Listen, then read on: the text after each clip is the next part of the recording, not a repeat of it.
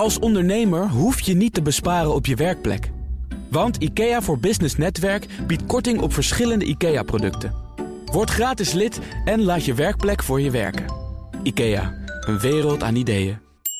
Accountants willen af van de toetsing van de wetnormering topinkomens. En Peter Berdowski, al 12 jaar CEO van Boskalis, wil nog een keer vier jaar het bedrijf leiden. Zit er een houdbaarheidsdatum aan bestuurders? Dat en meer bespreek ik met het boardroompanel bestaande uit Harmjan de Kluiver, advocaat bij de Brouw Blackstone Westbroek, hoogleraar ondernemingsrecht aan de UVA en verbonden aan de vereniging Effecten Uitgevende Onderneming. Ik heb het idee dat je telkens meer functies krijgt.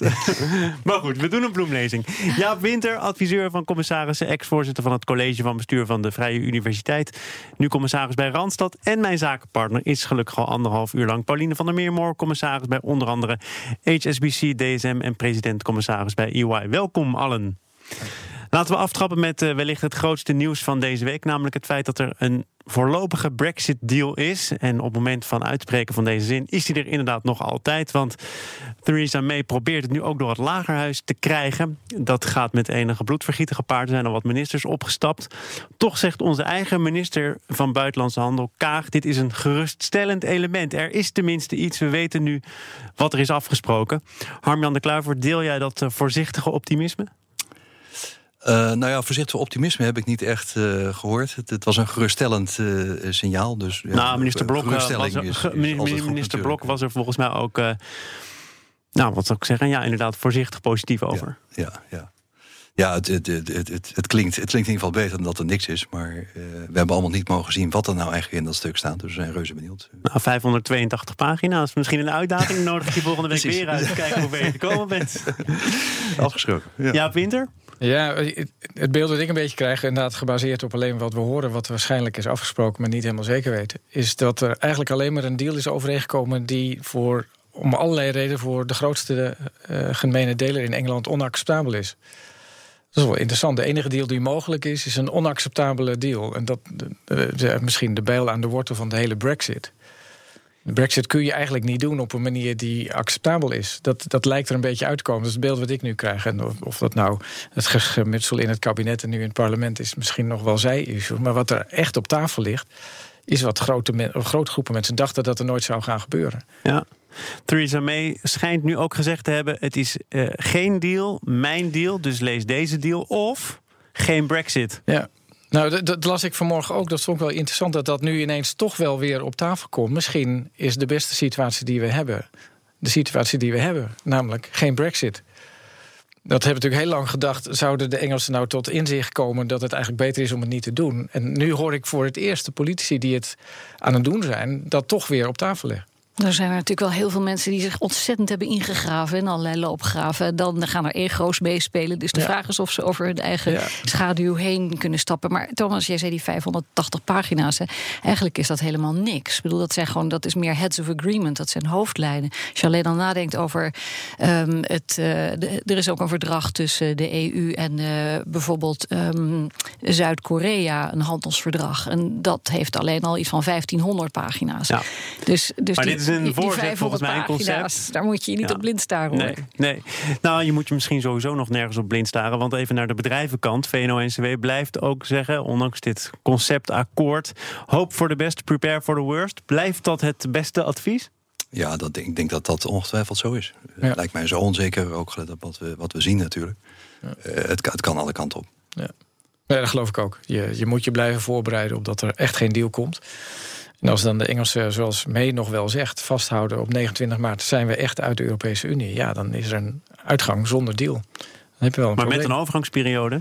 Nou, als, als er geen deal is, is dan er, geen, dan is er, is er ook geen overgangsperiode. Dan is het gewoon niks. binair, dan is het gewoon klaar. En dan, ik denk dat wij in Europa, uh, zeker vanuit de commissie, maar in allerlei landen, is er echt wel voorbereid op consequenties. Wat betekent dat hiervoor, daarvoor, daarvoor? Maar ik denk dat we pas dan gaan zien wat het echt betekent. Dat we er eigenlijk nog niet een goed beeld van hebben hoe dat ingrijpt en misschien op onderdelen het eigenlijk best meevalt, terwijl het hem te beheersen valt. En op andere onderdelen helemaal niet. Dat er echt iets helemaal spaak loopt waar we nu geen idee van hebben. Dan een ander onderwerp, want het wordt voor accountants ook steeds moeilijker, althans dat zeggen ze zelf, om een beeld te krijgen van de inkomens van topbestuurders in de publieke sector. Die mogen nu niet meer verdienen dan een minister. En daarom ligt het maximale salaris op 189.000 euro per jaar. Staat allemaal in de wetnormering topinkomens. Die accountants hebben eerder gezegd: het is lastig. Ze hebben ook samen met het ministerie nog weer afgesproken om er naar te kijken. Er zijn wat dingen vereenvoudigd. Maar het blijft complex. Het kost miljoenen om de wet na te leven. Um, Armjan, moeten we dan ook die wet maar eens steviger evalueren dan nu al de bedoeling is? Nou, dat zou op zich wel prettig zijn. Uh, zonder nou in, in, in posities uh, te verzanden. Maar ik heb er zelf ook mee te maken gehad. Het is wel een lastige wet om toe te passen. en ik zie in de praktijk bijvoorbeeld ook dat er vaak juridisch advies wordt gevraagd. Over hoe zit het nou linksom of rechtsom of, of, of rechtdoor of terug. Dat, dat, maakt, dat maakt het wel heel ingewikkeld. Uh, ik denk dat een ander probleem is, waarom, waarom wordt het zo uh, ingewikkeld? Omdat aan de achterkant de consequenties zo groot zijn. Als het misgaat, en dat kan heel goed dat een accountant iets verkeerd doet... dan wordt hij vervolgens voor de tuchtrechter gesleept en is het dit en is het dat. Dus als je aan die kant de consequenties wat, wat kunt reguleren... en iets minder zwart-wit kunt maken... Dan, dan los je denk ik ook al een probleem op. Nou ja, ik, ik, ik heb nog niet te maken gehad met deze situatie. Ik kom ook nog net niet aan die top. uh, maar nou, blijf, blijven door. Ja, ja, blijf lekker doorgaan. Maar, ten onrechte natuurlijk. Ja, nee, het is een kwestie Gezien van tijd, de kwaliteit. Hoor. Ja, absoluut.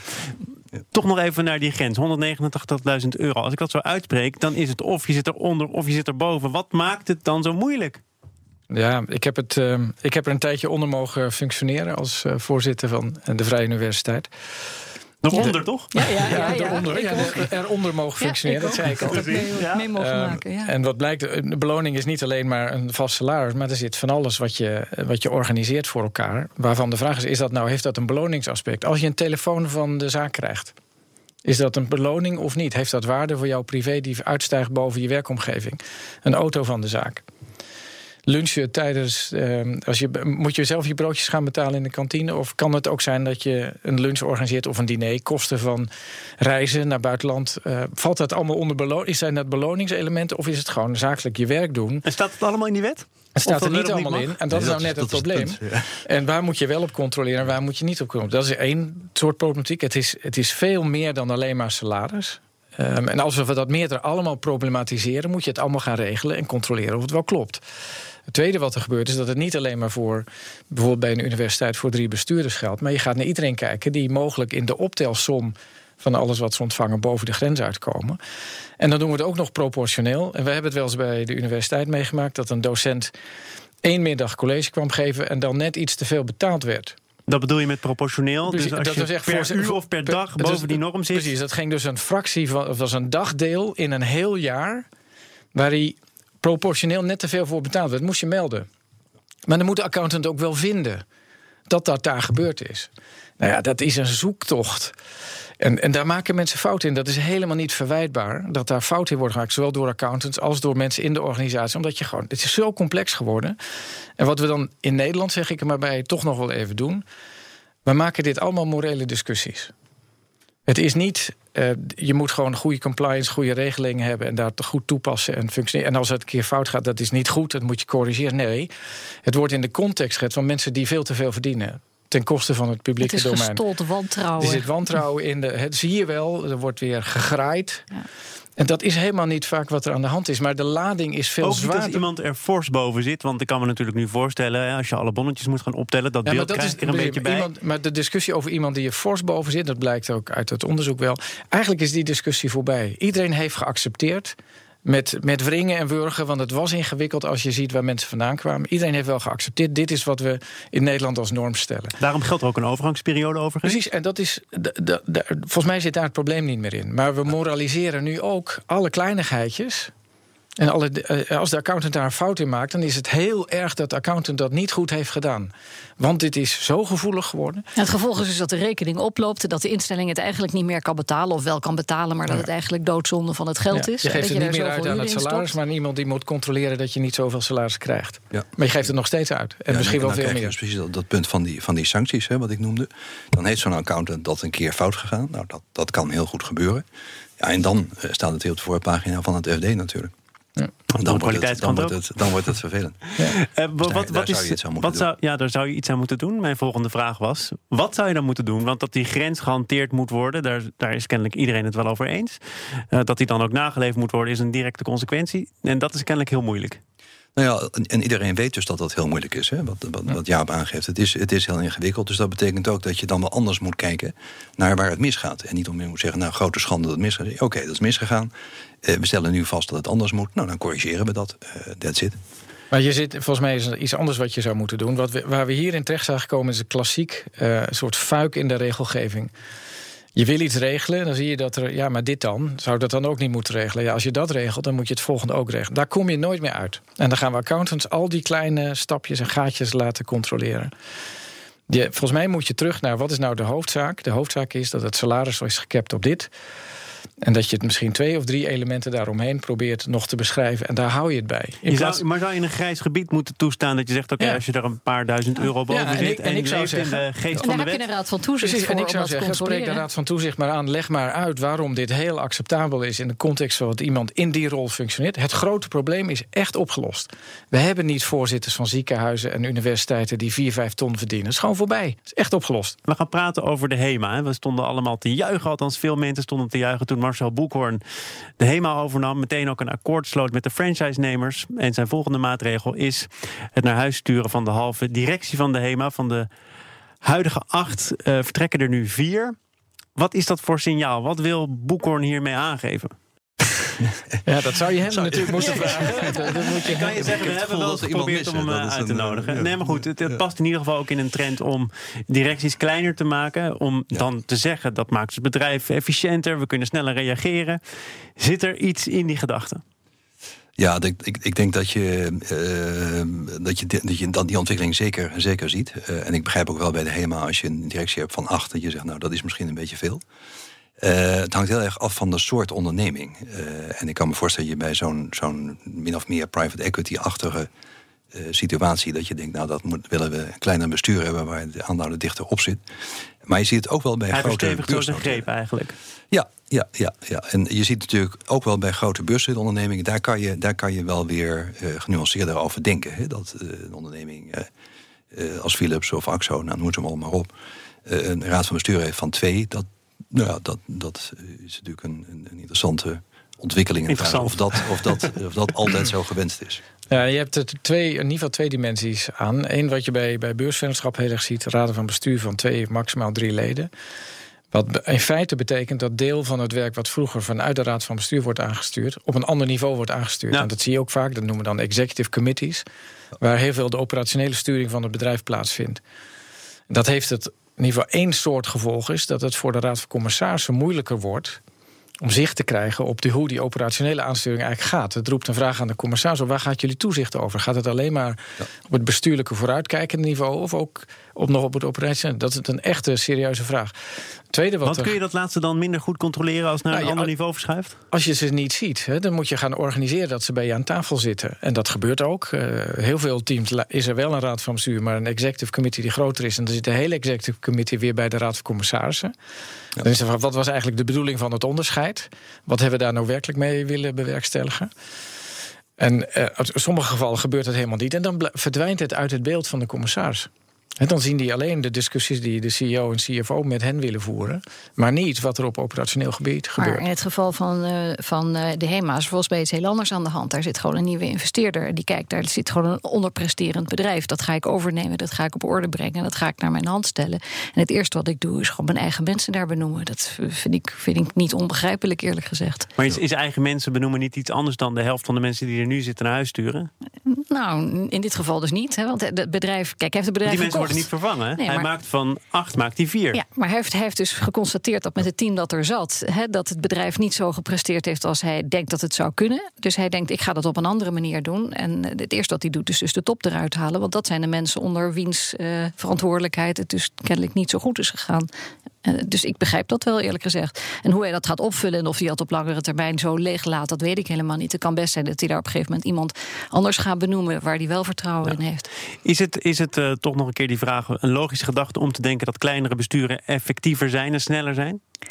Nou, het is precies wat Jaap zegt. Ik bedoel, een kleiner bestuur. Kijk, twee mensen kunnen niet een grote multinational uh, leiden. Uh, ik, bedoel, ik ben commissaris bij HSBC, een bedrijf met bijna 300.000, of een bank met bijna 300.000 medewerkers. Maar daar zitten ook maar drie mensen, eh, zijn daar statutair bestuurder. Maar dat wil niet zeggen dat die met z'n drieën daar het hele bedrijf aan het, aan het bestieren zijn, natuurlijk. Dus je hebt een heleboel mensen eromheen. En, en de, de governance-vraag is: wat, wat doe je dan als non-executive, als of raad van commissarissen? Hoe hou je dan toezicht op dat geheel? Wat is je rol? Wat nou, is je, daar eens antwoord op, want het wordt er niet, het wordt er nou, niet in het geval van, van, wat ik dus bij banken zie, is dat daar sowieso een verwachting is dat je veel dichter op de operatie zit dan vroeger. Hè. Het Nederlandse two-tier model, waar je als commissaris toch wat meer afstand uh, houdt van, van het bestuur, werkt daar echt anders dan het one-tier model, waar je geacht wordt om bovenop de operaties ook te zitten. Dus het kost je meer tijd ook? Het kost, mij, 100, het kost mij precies zijn 100 dagen per jaar, dat commissariaat. Ja.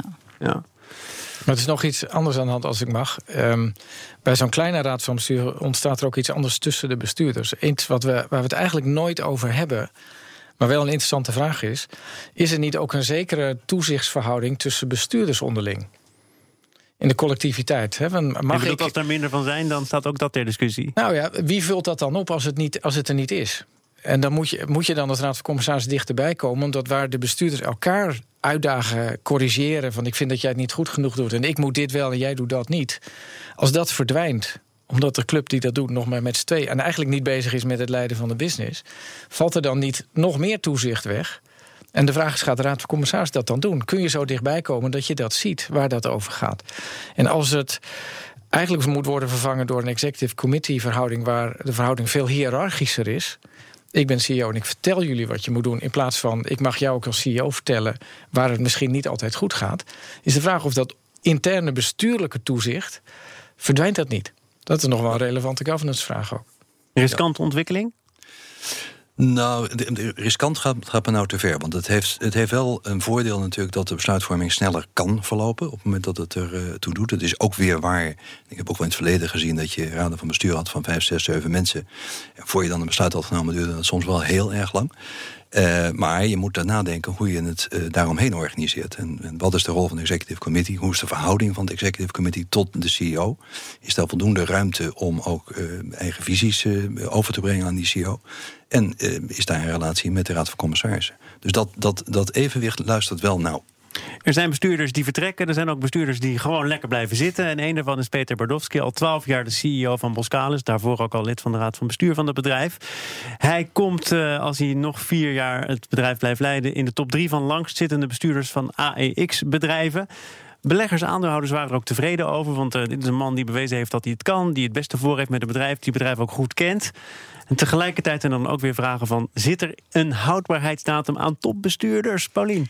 Nou, ik, ik verkies dan maar als mijn vertrekpunt de Nederlandse Corporate Governance Code. Als een fijne, fijne plek vanuit, om, om daar vanuit te redeneren. En die zegt in principe: uh, acht jaar is mooi, maar pas toe of leg uit. Hè, als er reden is, eh, goede redenen zijn voor om langer. Commissaris. Voor commissaris, ja, maar wacht even, ik ben nog niet klaar.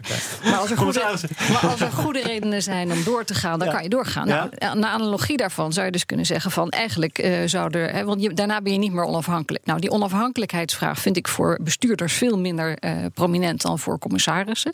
Dus ik vind dat er voor, voor, voor bestuurders daar, uh, dat je daar eh, eigenlijk met, met, met meer coulance naar, naar een zittingstermijn zou kunnen kijken. Maar ook daar vind ik dat je als commissaris een belangrijke rol hebt om te kijken: is zo'n bestuur, functioneert zo'n bestuurder nog? Of, of gaat hij echt geloven in zijn eigen, gaat hij te veel geloven in zijn eigen verhaal? En, en, en dient, hij, dient de organisatie nog wel? Dus, er kun, dus ja, weet je, daar, de, de commissarissen hebben daar een hele belangrijke rol om dat te, mede te beoordelen en dat voor te stellen aan En die zijn kennelijk tot het oordeel gekomen dat dit zo kan. Of je kunt ook nog zeggen, zo'n CEO heeft zo'n stempel gedrukt op zijn bedrijf...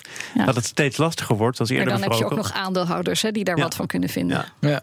Nou, er is niet een zwart-wit antwoord hierop. Het is niet per definitie altijd goed of niet goed. Um, dus je kunt, je kunt daar niet een regel voor maken. Ik denk dat, precies wat Paulien zegt, de commissarissen moeten daar beoordelingen maken. Een van de dingen die je wel ziet, dus hoe langer mensen zitten en hun stempel blijven drukken op de organisatie, hoe moeilijker het wordt om andere perspectieven en invalshoeken daar weer in te laten voeren. En het, kan, het is niet waar dat bedrijven altijd hetzelfde moeten blijven. De buitenwereld verandert in ieder geval, dus je zult mee moeten veranderen. Nou, het kan heel goed zijn dat de CEO dat juist precies goed doet. En heel goed weet hoe die ook zelf moet veranderen, elke keer in een nieuwe fase. Hm. Als je als commissaris ziet dat dat een belemmering wordt. Ja, dan heb je echt een probleem als je hem laat zitten. Dan, dan moet je toch zeggen: time is up. Er is nu iemand anders nodig. Onze tijd is bijna op. Ik wilde jou nog het laatste woord geven. Nou ja, ik, vind, ik zie eigenlijk drie, drie criteria, althans, die ik zou aanleggen. Eh, commitment. Is iemand nog committed om het echt uh, eh, 24-7 te doen? Uh, inspiratie. Is hij zelf geïnspireerd? Kan die inspireren en kan die inspiratie opzuigen? Uh, en respect. heeft hij nog respect, maar kan hij ook respect tonen? Volgens mij, als je op die als een, iemand kan toetsen. En dat, dat zou je moeten kunnen als raad van commissarissen. Dan kan iemand ook door. Mijn dank is groot dat jullie hier vandaag alle waren. Harmjan de Kluiver, Jaap Winter en speciale dank aan mijn zakenpartner Pauline van der Meermoor. Kom nog een keer terug in deze rol. Ik vond het in ieder geval uh, leuk. Een kleine update maakt een wereld van verschil. Daarom biedt IKEA voor Business Netwerk gratis snelle interieurtips en ideeën. Word gratis lid en laat je werkplek voor je werken. IKEA, een wereld aan ideeën.